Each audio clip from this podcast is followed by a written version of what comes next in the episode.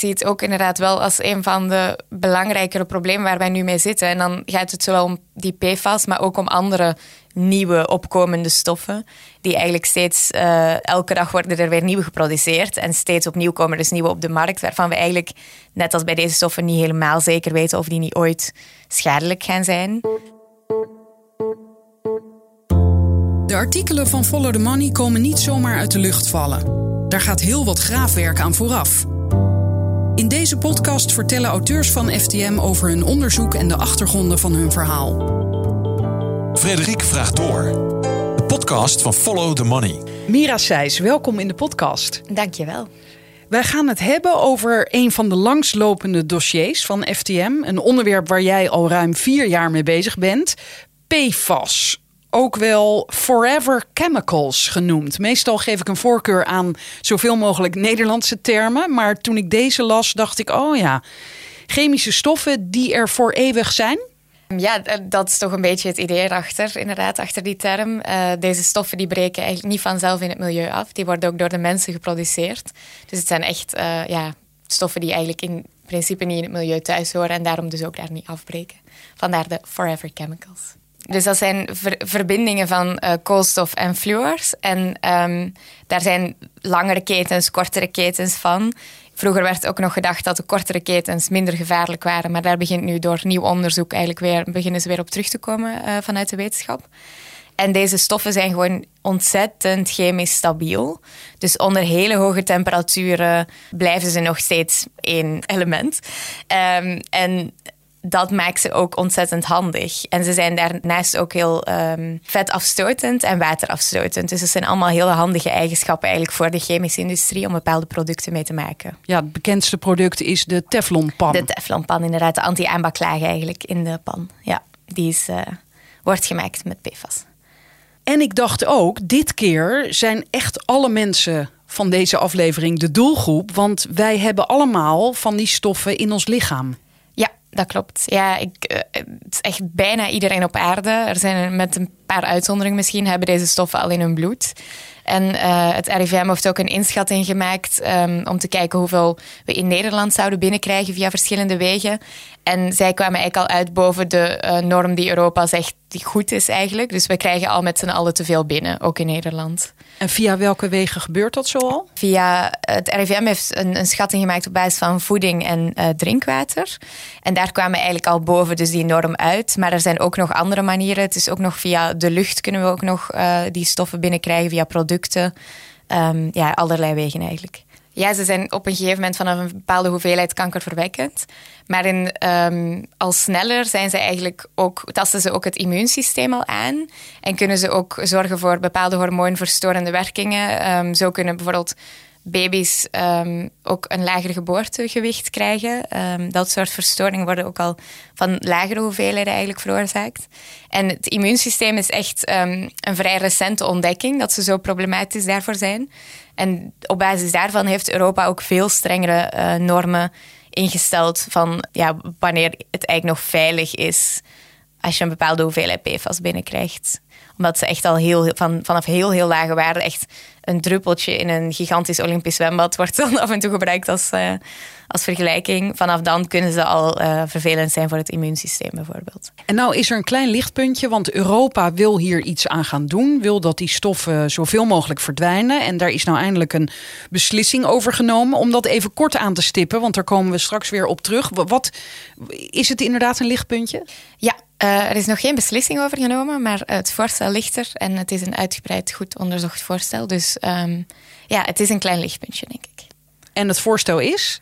Het voorstel is om eigenlijk de hele groep van PFAS-stoffen, want er zijn ja, ongeveer 9000 stoffen om en nabij, om die groep samen eigenlijk zoveel mogelijk te verbieden in van alles, in producten. Um, en dan zouden daar dus, het is een restrictie en geen verbod, omdat er een paar uitzonderingen nog uh, zijn. En in wat voor soort producten zitten die stoffen? Uh, ja, on ontelbare producten, maar uh, om een paar te noemen. Uh, het wordt op dit moment nog veel gebruikt in, in handplusapparaten, dus blusschuim. In make-up zit er veel, in shampoos, in pannen, in laboratoria spullen. Ja, echt, echt te veel om op te noemen. Ook in skiwaksen bijvoorbeeld, van die sprays om, om um, schoenen waterafstotend te maken kan zo Noem maar op. blijven gaan. Ja. Ja. Een bekende fabriek in Nederland die die stoffen produceert en ook loost in het land is Gemoer in Dordrecht. En daar loopt een rechtszaak tegen van eh, meerdere gemeenten. Wat willen zij? Ja, dat zijn inderdaad een aantal gemeenten: Dordrecht, Sliedrecht, Papendrecht en Molenland. Die hebben samen een rechtszaak aangespannen tegen Gemoer, omdat er enorm, enorm veel van die PFAS-stoffen in die omgeving van die fabriek gevonden zijn. Daardoor ook eigenlijk schade toegebracht hebben aan de bodem, bodemvervuiling veroorzaakt, ook in het water. En echt op, op ja, het was heel opvallend dat de meetresultaten lieten echt wel zien dat in de buurt van de fabriek gewoon veel meer stof werden gevonden. Dus het was wel duidelijk dat ze daar vandaan kwamen. En nu willen zij heel graag daarvoor een. ehm, ja, willen ze eigenlijk Gemoer aansprakelijk stellen voor die schade. Ook Dupont, het moederbedrijf, waar, eh, dat daar in eerste instantie zat en dat later Gemoer werd. En nu hebben ze 14 maart daarover een lange zitting gehad. En 27 september zou daarover een uitspraak komen. Of dus het bedrijf aansprakelijk is voor die vervuiling of niet. In dit jaar, In 2023. 2023. En als het niet zo is, eh, als het wel zo is, bedoel ik, dan eh, gaan de gemeenten ook nog nadenken over een schadevergoeding, een schadeclaim. En wat ze eigenlijk vooral willen, wat ze aan mij zeiden, waar ze, eh, waarom ze dit vooral doen, is ook om de deur soort van open te zetten naar burgers of bedrijven die ook last hebben van die vervuiling, om hetzelfde te kunnen doen. Dus ook om die schade weer bij uh, te kunnen claimen. Ja, die zaak is al langer geleden aangespannen. En daar komt nu dus een beetje schot in. Ja, nou ja, ja daar komt dus in september die uitspraak over. Maar uh, ze gaan wel dus tot september nog nemen. En dat laat ook denk ik wel zien hoe complex het probleem is. Uh, het is geen makkelijke ja, zwart-wit uitspraak. Nee, want nou is er bijvoorbeeld ook een uh, bewonersactiegroep... die jij ook ooit al eerder sprak... die boos zijn over inderdaad de schade die Gemoer veroorzaakte... en nog steeds veroorzaakt. En die gooien letterlijk vervuilde grond weer terug bij hen op de deur. Al, al jarenlang, hè. Er is laatst de honderdste emmer ja. is daar geloodst. Ja, de honderdste geloosd. Al, ja, ja. En zij zeggen van ja, uh, leuk die rechtszaak, maar de gemeenten willen schadevergoeding voor die bodemvervuiling. Maar ze, ze voeren geen strijd tegen de stoffen zelf en tegen het lozen daarvan. Het lozen, ja, daar heb ik inderdaad ook over gesproken met um, iemand van de gemeente Dordrecht. En die gaf weer aan dat ze eigenlijk een zienswijze... Dus er was een, een vergunningvoorstel, um, want Gemoer moet een nieuwe vergunning krijgen om te kunnen lozen. was een vergunningvoorstel, daar hebben zij een zienswijze op ingediend. Dus dan hebben ze gezegd van, ja, ho eens even. Wij willen wel dat er strenger wordt gekeken naar die stoffen. En daarvan heeft de provincie eigenlijk het meeste overgenomen van wat zij wilden. Dus daarvan zeggen ze van oké, we, hebben dan die, we hebben dat dan laten gaan. Maar er zijn bijvoorbeeld nog wel een paar drinkwaterbedrijven die daar nu wel op inspelen. Nog die willen echt nul uit de pijp. Geen moeder mag niks meer uh, lozen, nergens meer die stoffen kwijtraken eigenlijk. En dat is dan iets wat ook die actiegroep bijvoorbeeld weer heel graag wil. Is gewoon, hun slogan is ook nul uit de pijp. Want zij zijn, ja, zij zijn er gewoon helemaal klaar mee dat die stoffen nog in de omgeving terechtkomen. Want ze zijn ook kanker, ze kunnen kankerverwekkend zijn. Ja, ja vanaf bepaalde hoeveelheden. Ja, ja. En uh, het is dan. Het zijn zoveel soorten stoffen dat het niet voor elke stof nog duidelijk is vanaf welke hoeveelheid. Maar er zijn er een aantal waarvan zeker genoeg is onderzocht dat ze een link hebben met uh, bepaalde soorten kankers. Jij bent hier nu meer dan vier jaar mee bezig. Hoe, druk maakt men hier zich nu om? We hebben dus deze bewonersgroep en de rechtszaak. Maar, maar speelt dit nou echt? Is, want je zou denken, dit is toch een van de allerbelangrijkste kwesties in het land. Ja, een beetje op en af merk ik. Soms dan krijgt het in één keer heel veel aandacht. En soms dan lijkt het weer vergeten omdat er andere spannendere politieke thema's spelen. Um, maar ja, ik, ik zie het ook inderdaad wel als een van de belangrijkere problemen waar wij nu mee zitten. En dan gaat het zowel om die PFAS, maar ook om andere nieuwe opkomende stoffen. Die eigenlijk steeds, uh, elke dag worden er weer nieuwe geproduceerd. En steeds opnieuw komen er dus nieuwe op de markt. Waarvan we eigenlijk, net als bij deze stoffen, niet helemaal zeker weten of die niet ooit schadelijk gaan zijn. Dus er wordt ook vaak gepleit om gewoon strengere regels voor de invoering. Maar ja, dat, ja, dat blijft, dat is wel echt, echt een van de thema's die nu spelen. En dan vooral als het gaat om watervervuiling en bodemvervuiling op dit moment. En heb jij die aandacht zien toenemen in, de, in die vier jaar? Ja, zoals ik zeg, het gaat een beetje in golven, denk ik. Maar uh, ja, op een gegeven moment dan uh, was er heel veel gedoe rond grondverzet. Omdat toen waren in één keer, omdat we nog niet echt wisten van waar zitten nu overal PFAS, had de staatssecretaris toen er tijd gezegd um, dat er meteen maar alle grond waar PFAS in gevonden werd, dat die alleen maar mocht gaan naar plekken waar ongeveer hetzelfde aantal P of dezelfde hoeveelheid werd gevonden. En dat legde in één keer heel, in één keer heel veel uh, grondwerken stil. Want mensen wisten gewoon niet meer waar ze met die afgegraven grond naartoe moesten. Dus dat was toen in één keer was de aandacht heel groot. En ja, inmiddels, uh, door, het, door het, de restrictie die er aankomt, begint toch ook politiek wel echt te spelen. Dus onlangs was er ook weer een debat daarover. En dan gaat het echt over, uh, ja, over de hele breedte van uh, waar worden ze nog geloosd en moeten we niet een beter overzicht krijgen van waar ze allemaal zitten in de grond. dat soort zaken. Dit is dus een van de langslopende dossiers bij FTM. En het begon ooit, um, staat aan het begin van dat dossier. Follow the Money bracht in 2015 aan het licht dat er ook in Nederland sprake was van substantiële vervuiling rond de Teflonfabriek van DuPont in Dordrecht, nu geen moer dus. En dan staat er onze artikelen leiden tot kamervragen en een groot onderzoek door het RIVM. En dat bevestigde onze analyse. Niet alleen werknemers, maar ook omwonenden in Dordrecht en Sliedrecht bleken jarenlang te zijn blootgesteld aan hoge concentraties PFOA, ook wel bekend als C8. En dat zijn dus die PFAS-stoffen. Hè? Ja, PFAS, is, de... is een van de soorten PFAS. Ja. ja, PFAS is de paraplu eigenlijk. Ja, eigenlijk wel, ja. Heb jij, want dit is in eerste instantie een van de eerste artikelen is geschreven door Arne van der Wal, een van de hoofdredacteuren. Heb jij het stokje van hem overgenomen? Um, nee, eigenlijk, of ja, op een bepaalde manier wel, maar het is niet dat Arne het neerlegde en zei: hey, Mira, ga ermee verder. Het was eigenlijk eh, heel toevallig dat ik erbij terecht kwam. Ik uh, was bezig met een stuk over import van vervuilde grond naar Nederland. Want wij importeerden, uh, zo ontdekte ik dan, van alle soorten vervuilde grond van verschillende landen, waaronder België. En op een gegeven moment dan kwam ik daar stoffen tegen die ik nog niet kende. En dat ging dan over Gen X-stoffen. En dat zijn dus ook een soort van PFAS. En vanaf dat ik die tegenkwam, dacht ik, oh, dit is wel interessant. En dan kwam ik, kreeg ik nog een aantal tips van verschillende mensen die hierover gingen. En toen, vanaf toen ben ik eigenlijk me meer gaan bezighouden met die stoffen en wat ze nu eigenlijk waren, wat ze deden. En toen verbaasde het mij dat ze overal waren, dat ze ook toxisch waren, maar dat er nog zo weinig over bekend was. En je zegt eventjes zo, ik kreeg ook een paar tips, maar die kwamen niet opeens op jou af, toch? Um, nou ja, som, soms natuurlijk wel. Um, wij krijgen bij For Money ook gelukkig heel veel binnen in onze tip, uh, tip inbox. Dus geloof, ik geloof dat er één ook over PFAS ging toen, maar dan ook over die Gen X. Maar ook inderdaad door gewoon met mensen te bellen of door naar plekken te gaan waar dan die vervuilde grond was. En daar hadden mensen zich dan al wel helemaal verdiept in welke soorten stoffen. En dan ging het dan ook soms in één keer over die Gen X. En toen dacht ik wel van, oh ja, dit kom ik wel heel vaak tegen. wat, wat is dit en wat zijn dit voor stoffen? En wat was de eerste plek waar je terecht kwam in Nederland, waar die eh, stoffen zijn? In Zeeland was het uh, toen nog. En dat ging over uh, de aanleg van een golfbaan die ter discussie stond. Dus daar was ook een actiegroep tegen opgestaan omdat daar dus ook vuile grond werd geïmporteerd om een soort luxe resort uh, aan te leggen. En daar wordt eigenlijk nog steeds over uh, geprocedeerd. Dus dat Hij ligt er nog steeds een tijdje bezig. Nee.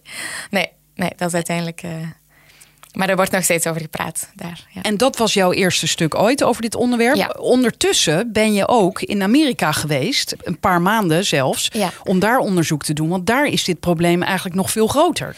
Ja, klopt. Daar hebben ze ook al wel meer onderzoek gedaan inmiddels. Uh, daar is het eigenlijk ja, sneller op de radar gekomen, omdat daar ook de grootste vervuilers zitten. Vaak ook bijvoorbeeld um, de film Dark Waters, de Hollywood-film, die lijkt ook het verhaal zien van Dupont en, uh, de vervuiling die ze daar in een soort van um, ja, afvalputten dumpten ze van die containers met PFAS, waardoor een heel stuk grond echt uh, ja, enorm, enorm vervuild raakte. Dezelfde fabriek dus als hier in Dordrecht, ja, hetzelfde ja, bedrijf? Ja, hetzelfde bedrijf, ja, zeker. Uh, en uh, ja, dat, dat is echt wel... In de VS is het nu ook echt een heel, heel groot ding. Biden is er zich ook heel hard mee aan bezighouden met nu budgetten vrij te maken om die PFAS-vervuiling aan te pakken.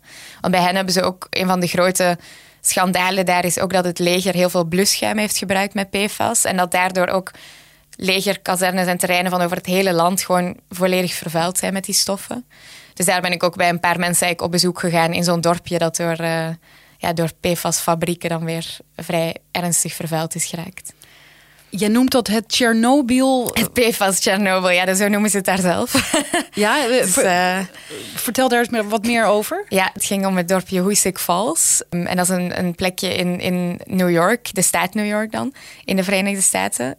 En daar had je echt meerdere fabrieken die die stoffen produceerden en uitstoten op, hele, op een hele kleine oppervlakte eigenlijk. Dus die waarden die daar uh, in de grond, maar ook bij de mensen in hun bloed zijn gemeten, zijn echt enorm hoog. Dus daar heb ik een aantal mensen gesproken die eigenlijk bijvoorbeeld heel bang waren om, om borstvoeding te geven aan hun kinderen, omdat je dus ook PFAS via borstvoeding kan doorgeven. Maar ook gewoon, ja, gewoon bang om, om iets te eten waar nog PFAS in zit. Uh, want dan hadden ze bijvoorbeeld wild dat daar dan vanuit de streek kwam. Die hebben natuurlijk ook van dat water daar gedronken en het water was weer vervuild.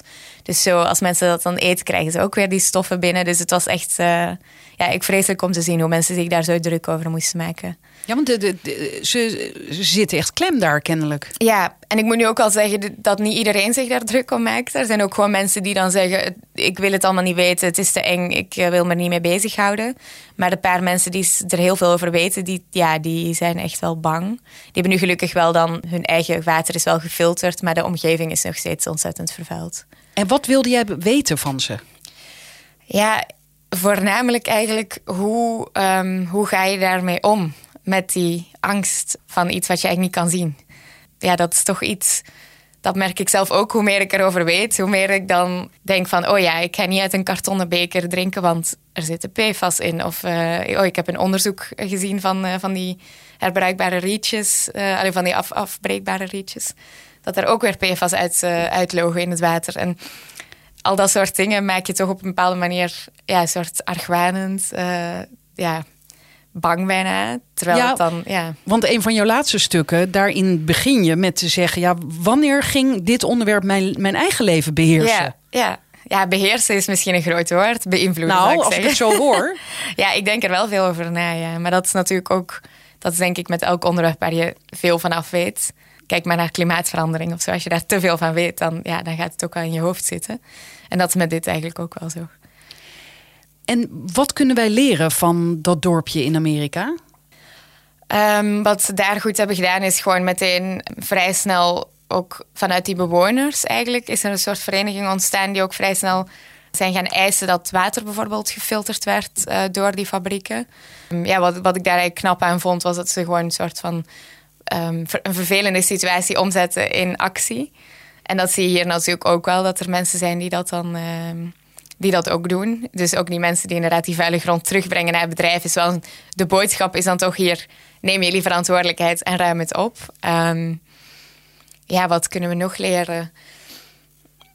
Ik denk, het is gewoon belangrijk om heel veel informatie te hebben. Dan merkt CRR ook. Zolang mensen um, geen, geen goede informatie hebben over waar het in zit en, en uh, hoeveel en hoe erg, dan, ja, dan worden mensen gewoon heel bang, terwijl het niet nodig hoeft te zijn. Dus ik denk dat het een kwestie is van ook heel veel meten en weten. En als we het vergelijken met Amerika, hoe open zijn we dan hier in Nederland en Europa over wat er gaande is? Um, we hebben heel lang het niet goed genoeg doorgehad, denk ik hier. Er zijn wel veel wetenschappelijke studies die echt al best wel oud zijn, of die al, ja, al tientallen jaren bestaan over de effecten van PFAS. Alleen ja, wetenschappelijke studies komen niet altijd terecht bij mensen die uh, ja, bij politici bijvoorbeeld of zo. Dat, daar kan de wetenschap misschien ook nog wel iets aan doen. Ja, of er spelen te veel grote belangen. Ook wel. Um, maar ja, wat ik nu wel zie met dat, met dat Nederland echt voortrekker is ook in, in die restrictie in Europa. Nederland is echt een van de, de landen die heeft gezegd: we gaan deze stoffen gewoon in zijn geheel verbieden. Dat stemt wel hoopvol. Dat er gewoon op die manier, op die schaal ook actie wordt ondernomen. Want dat is dus in de Verenigde Staten bijvoorbeeld nog niet het geval. Oh, en wat je net zei over Biden, president Biden, die wel geld uit wil trekken voor de sanering. Ja, sanering, dus schoonmaak van um, PFAS. Daar trekt hij veel geld voor uit. En uh, opsporen ook, dus echt in kaart brengen. Want dat is gewoon ook een enorme klus. Van waar zitten ze overal en zo. Dat is in Nederland ook nog maar, staat eigenlijk nog maar in de kinderschoenen. Daar moeten we nog veel, veel meer data van hebben. Maar ja, dat, dat is dus nog geen verbod. Inderdaad, daar gaat het dan echt om, om het in kaart brengen, het proberen op te ruimen. Maar het PFAS-verbod is... Uh, daar zijn ze wel naar aan het kijken, weet ik. Verschillende organisaties daar. Maar hier is er, ligt er al een voorstel. En een voorstel dat ook nog wel kans maakt. Want er zijn wel veel lidstaten die het ondersteunen. Nu komen we inderdaad op dat voorstel dat ligt in uh, Europa. Ja. Nederland is een voortrekker samen met Denemarken, Duitsland en Noorwegen. Ik was een beetje teleurgesteld, want ik zei dus net, er is besloten. nee, het is nog niet besloten. Wanneer moet dat dan gebeuren? Ehm, ja, nu is er nog een hele periode dat eigenlijk allerlei belanghebbende uh, inspraakrondes kunnen hebben. Dus die kunnen nog aangeven waar ze misschien vinden dat er dat er te ver gaat of dat er bepaalde toepassingen dat er nog helemaal geen ehm, vervanging voor is. En dat wordt dan ook goed bekeken nog. En dan, ik geloof vanaf wanneer het voorstel in zou gaan, zal 2026 à 27 zijn als het wordt goedgekeurd binnen de Europese Commissie. En dan is er dus niet sprake van een verbod. Maar een restrictie. Ja, een restrictie betekent gewoon een verbod met een aantal uitzonderingen in dit geval. En die uitzonderingen, ehm, de bedoeling daarvan is, zoals het in het voorstel wordt uh, omschreven, dat die tijdelijk zijn. Dus dan krijgen ze x aantal jaar die uitzondering, omdat er bij bepaalde toepassingen, en dat zijn dan bijvoorbeeld uh, stents of pacemakers, dat soort uh, medische toepassingen, daar zijn nog geen vervangingen voor gevonden voor PFAS. En het duurt ook ontzettend lang om een certificaat te krijgen. En die hele procedure om zoiets, mocht je zo wel zo'n vervanging hebben gevonden, om die dan te laten goedgekeurd worden, is heel, duurt heel lang. Dus daarom hebben ze die ook, uh, volgens mij was het 12 jaar of zo nog gegeven. Wat heel lang klinkt. En dat vind ik ook nog altijd wel ja, interessant, omdat het dan moeilijk is om uit te leggen. Maar uh, ja, dit is dan een van die belangrijke uitzonderingen. En ook bijvoorbeeld regenkleding, dat soort toepassingen, daar is het vrij makkelijk om een alternatief te vinden. Maar dan heb je ook nog beschermende kleding voor hulpverleners. En daarvoor hebben ze voor de veiligheid eigenlijk gekozen om daar ook nog tijdelijk een uitzondering voor te maken. Dus die mogen nog wel met PFAS behandeld worden. En dit geeft al meteen aan hoe ingewikkeld dit uh, vraagstuk is. Hè? Want, en hoeveel toepassingen. Ja, want het, het, het, klinkt als: ja, dit is een vreselijke stof. Die is ooit uitgevonden en die blijkt waanzinnig slecht. Daar moeten we hup vanaf. Maar dat kan dus niet zomaar. Nee, en, en ze hebben, ja, die PFAS hebben ook nog wel toepassingen waar we wel blij mee zijn. Uh, ze worden ook bijvoorbeeld gebruikt voor elektrische auto's en warmtepompen en dat soort toepassingen. Dus ook wel toepassingen waar we eigenlijk naartoe willen met die energietransitie. Dus daar botst ook soms het belang van energietransitie versus het afgeraken van, van die vervelende stoffen. Ja, want we zijn waarschijnlijk niet bereid om te zeggen: ja, met die PFAS hebben we mooie producten kunnen maken. Ik kom even weer terug bij die Teflonpan. Ja. Maar we kunnen nou eenmaal niet zonder, dus vooruit dan maar. Nee, ja, nee, dat, dat uh, ligt met dat voorstel is het idee dat het toch voornamelijk dat het bijna alle toepassingen van PFAS verboden worden. Dus dan is het van productie tot uitstoot. Want dat is ook het doel ervan, is ook om die uitstoot echt te gaan beperken. Want er wordt nu heel vaak eh, gevraagd ook om een lozingsverbod. Maar blijkbaar is dat heel ingewikkeld. Om... Ja, omdat die producten nog steeds gemaakt worden, toch? Nou ja, ook. Maar ook omdat, um, omdat die Europese regelgeving dan... Het gaat dan echt om landelijke regelgeving. En dan zeggen ze, ja, we proberen eigenlijk vanuit die Europese regelgeving... als we de productie verbieden op die manier ook die lozing terug te dringen of, te, ja, te stoppen eigenlijk. Maar er worden nog steeds door verschillende afvalverwerkers PFAS geloosd in het water. Ja, maar wat ik ook bedoelde was, we zijn, misschien zou ik dat zelf ook niet zijn, dat weet ik eigenlijk niet, niet bereid om te ah, zeggen: Teflon is waanzinnig slecht, daar moeten we helemaal mee stoppen. Ja, maar dan heb ik geen mooie anti-aanbaklaag meer. Ik was daar ook letterlijk over aan het nadenken. Want ik las in jouw stuk dat jij al je pannen, Teflonpannen de deur uit hebt gedaan. Ja, en je kookt nu in, met keramiek, hè? Ja, ja. ja, en toen dacht ik: oh ja, dat, dat zouden we dan allemaal bijvoorbeeld moeten doen.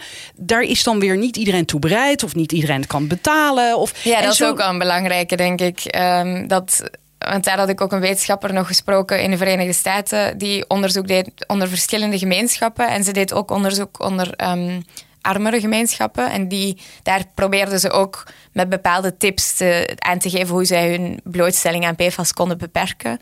Maar een van de tips was dus ook: gooi je pan met krassen van Teflon weg. Want voor alle krassen, ja, dan komt het dus vrij. Of dan kan het vrijkomen. Um, en daarvan zei ze wel, ja, niet iedereen, niet iedereen kon dat doen. Want dan moeten ze dure pannen kopen. En, en ja, dat, dat is gewoon niet voor iedereen mogelijk.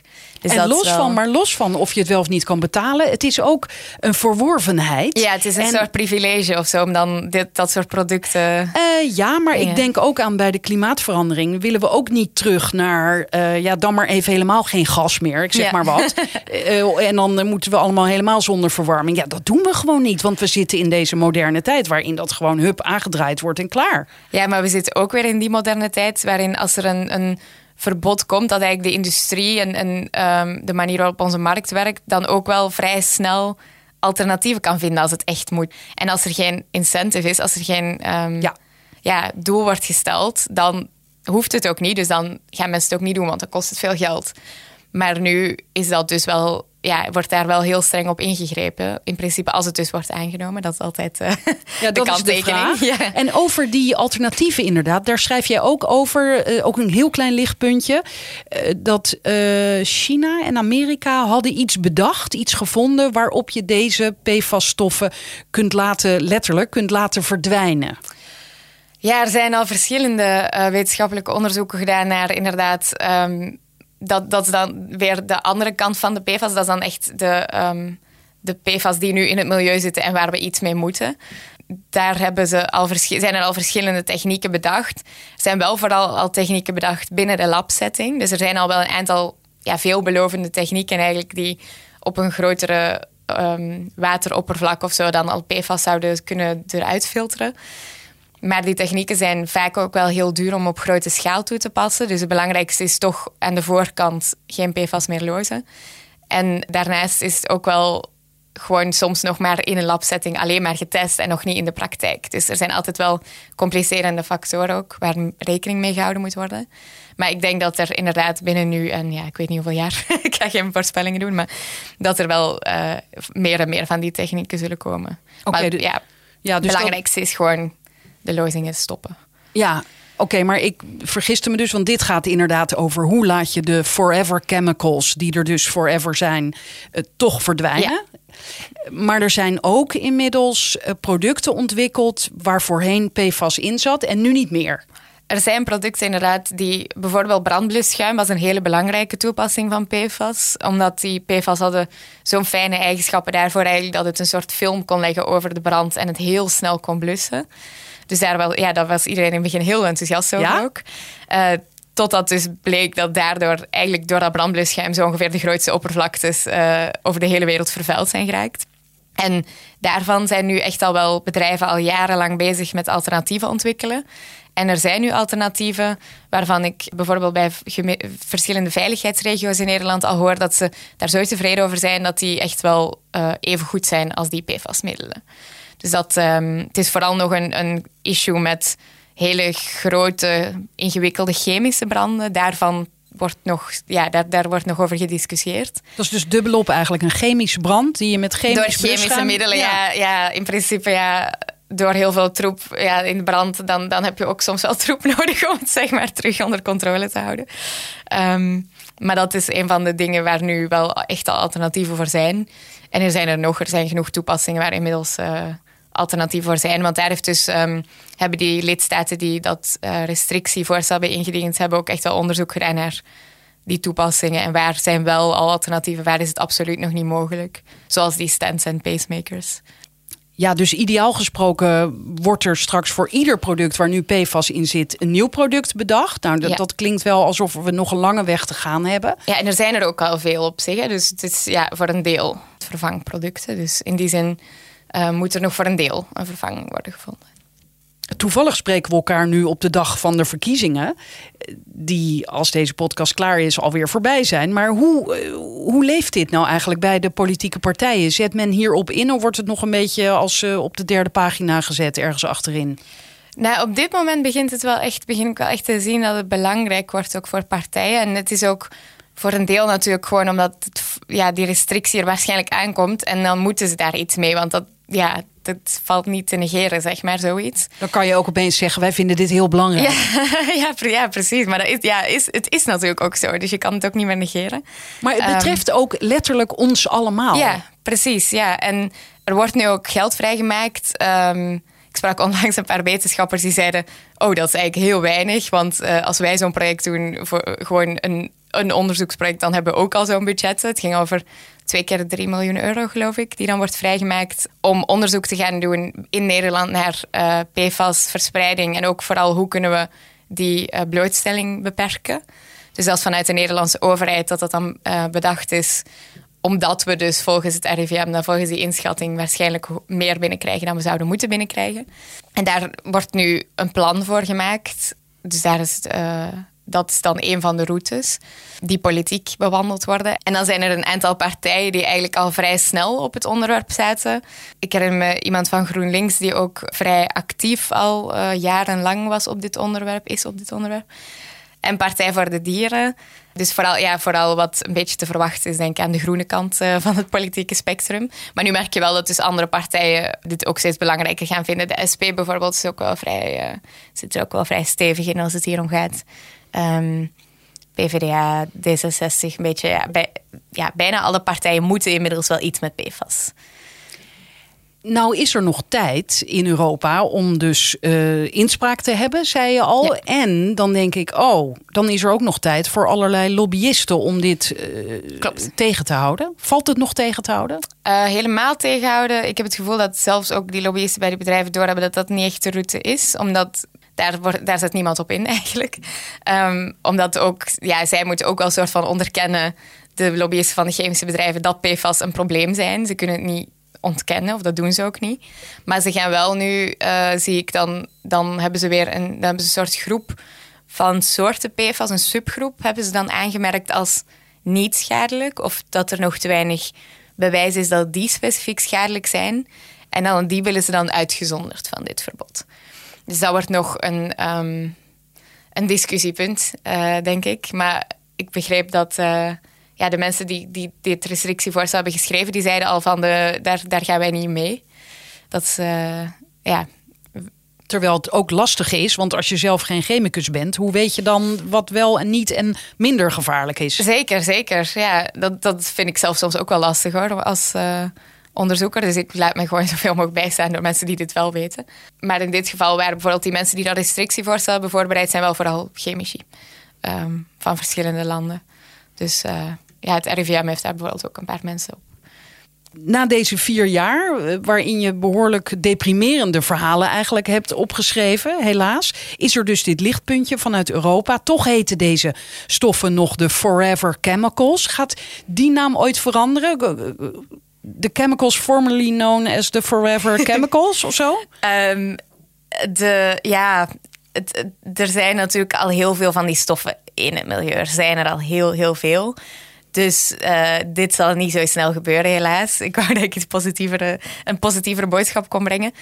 Want er zitten bijvoorbeeld ook nog die stoffen in de bodem die dan weer gaan doorzakken naar het grondwater. Daar worden nu ook weer oplossingen voor bedacht. Maar ik denk wel dat het heel goed is dat ze zo op de radar staan dat we ook geen nieuwe meer toevoegen. Want ja, hoe meer ze stapelen op overal in het lichaam, um, ja, we willen er gewoon minder. we willen er minder van. Dus ik denk het feit dat ze overal nu op de radar staan, uh, dat er ook steeds meer gemeten wordt, dat dat wel echt hele goede ontwikkelingen zijn om gewoon een beeld te krijgen en om er echt iets aan te kunnen doen. Dankjewel. Alsjeblieft. Nou, je hoort het. Dit soort onderzoek vergt veel geduld en tijd. En tijd is geld. De leden van Follow the Money betalen dit. Ook lid worden? Ga naar ftm.nl.